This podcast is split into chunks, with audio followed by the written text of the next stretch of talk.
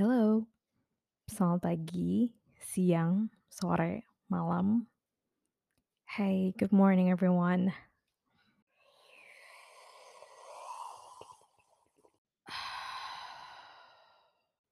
Kalian tahu nggak kapan waktu ketika lo udah yakin lo move on dari seseorang? I think I think I just I think I know.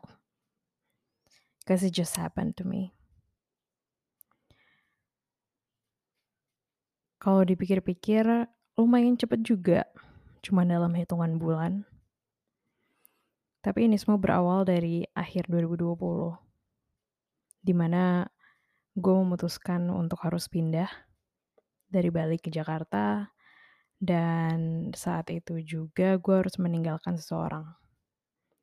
You know, the thing is, pada saat itu gue tidak memaksakan kita berdua untuk pacaran ataupun punya suatu hubungan yang serius. You know what I mean? I am the person who kind of like just go with the flow. Walaupun gak tahu flow-nya itu ke mana, but you know, at that time I just feel very comfortable with him. Tapi kayaknya dia salah mengartikan. Mungkin gue agak terlalu memaksakan situasi juga. Dan dia bener-bener keras kepala, dia bilang, no, gue gak bisa LDR. And so, I was like, okay, fine. You know, bahkan dia nggak mau untuk usaha, untuk nyoba aja dulu.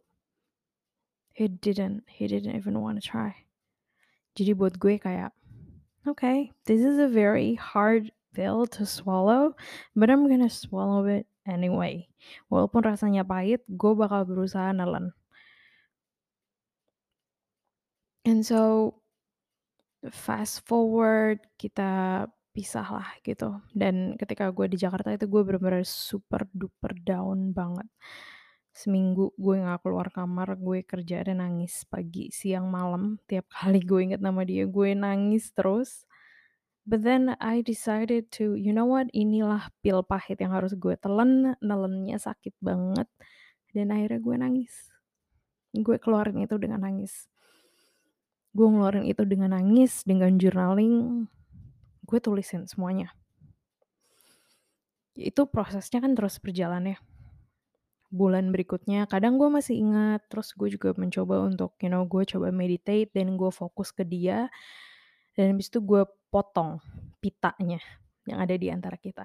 Jadi gue motong koneksi kita berdua. Gue gak mau lagi ada di hidup lo. Gue gak mau gue inget lo. I mean, kita gak pernah bisa ya bikin diri kita amnesia gitu kan. Tapi yang jelas gue gak mau. Gue gak mau lagi terlalu banyak kepikiran dia, momen yang lama yang pernah terjadi di antara kita gitu. Supaya apa? Supaya gue gak semakin sakit dan gue gak semakin berekspektasi untuk, oke, next time kita bakal bisa balik lagi. Because that is super toxic. I I don't want to be toxic to myself. Jadi, ya udah gue berusaha untuk tidak terlalu banyak nge-text dia dan akhirnya pada suatu hari dia ketika nge-text gue dan gue bilang, "You know what? I can't. We need to I gue nggak gue nggak peduli lo ngapain di sana, gue nggak peduli kabar lo kayak gimana, gue nggak peduli gue nggak peduli what you been up to. I don't I don't wanna know." And so, kita memutuskan untuk ya udah, gue nggak akan saling ganggu lagi. Dia nggak akan ganggu gue untuk nge-text, gue nggak akan nge-text dia, and that's it. We become stranger. So, the thing is, emang ada proposal yang akhirnya dia bilang kayak, "Gue kayaknya lebih baik kita jadi teman aja." Dan gue gue nggak mau. You know, ketika seseorang nawarin ketika orang yang ketika lo suka sama seseorang, suka suka banget, lo jatuh cinta sama orang ini, you have a feeling for this person. Dan orang itu tahu lo punya perasaan. Lo punya perasaan dalam sama orang ini. Lo dia juga sadar koneksi yang dia punya sama diri lo tuh sebenarnya kuat banget. Dan gue tidak gue tidak secara eksplisit mengkomunikasikan atau menawarkan untuk menjadi hubungan yang serius atau kita berdua pacaran.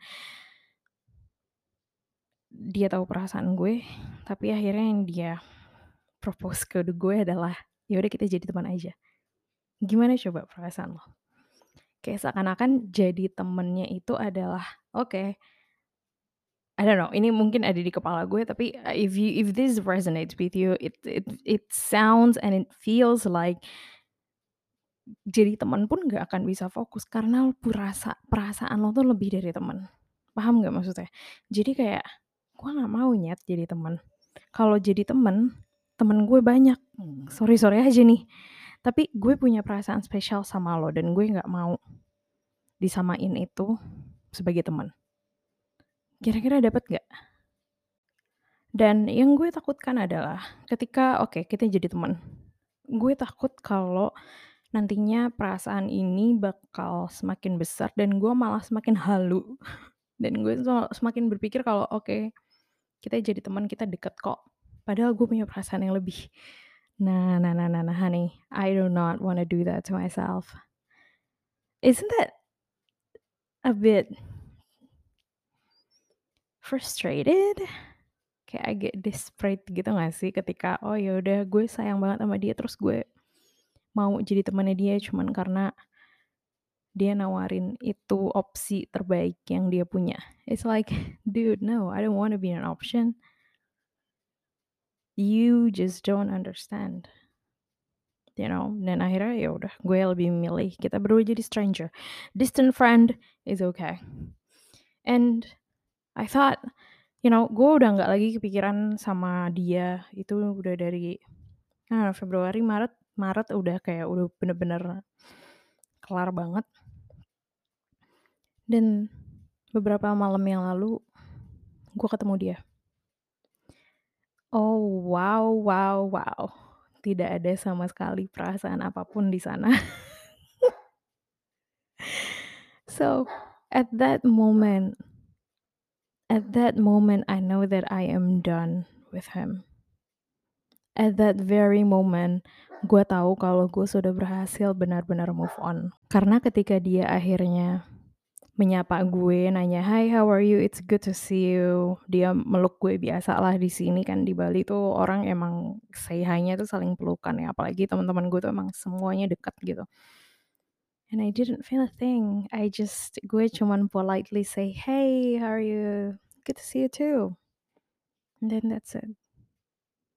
That's it. Cuman basa-basi gitu doang. Gue bahkan nggak ngobrol sama dia. Gue ngumpul sama temen gue, temen cewek-cewek gue yang lebih dekat.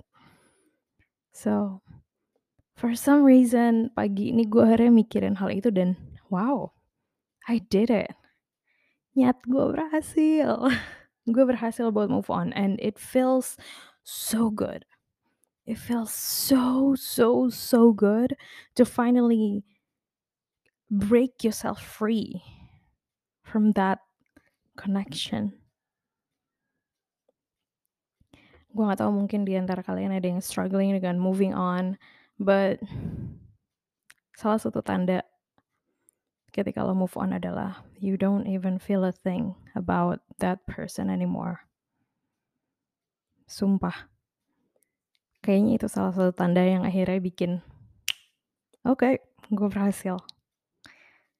Dan dari situ lo cukup harus cukup bangga dengan diri lo. Congratulate yourself, you did it. Gue nggak tahu setiap orang punya proses masing-masing untuk um, ngeproses masalahnya. Mungkin ada yang sampai setahun, mungkin ada yang sampai bertahun-tahun. But to me, kalau misalnya memang niat, niat gue cukup kuat untuk keluar dari dari perasaan itu, gue proses secara akselerasi gitu ya, secara cepat dan ya berhasil. So it took me a good three months to getting rid of that feelings and I think that's what important. Lo tidak ingin melupakan orangnya, lo hanya ingin melepaskan momennya, melepaskan masa yang pernah lo punya dengan orang itu.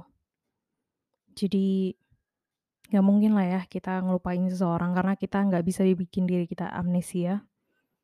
Tapi maafkan momennya, maafkan maafkan apa ya, unfortunate moment-nya gitu, yang harusnya menjadi sesuatu tapi tidak bisa.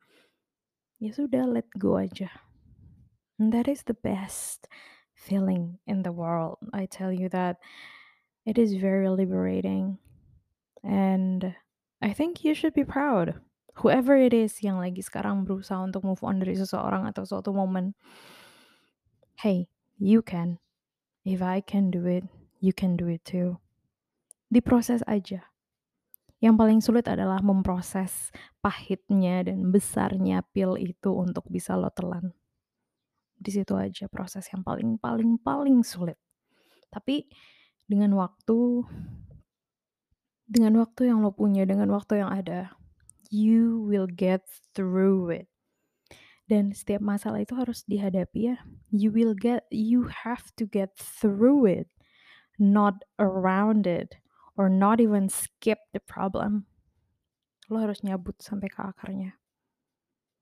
And so I wish you guys all the good luck and thank you so much for listening. Gue Sisil. I'll see you guys in my next episode. Bye bye.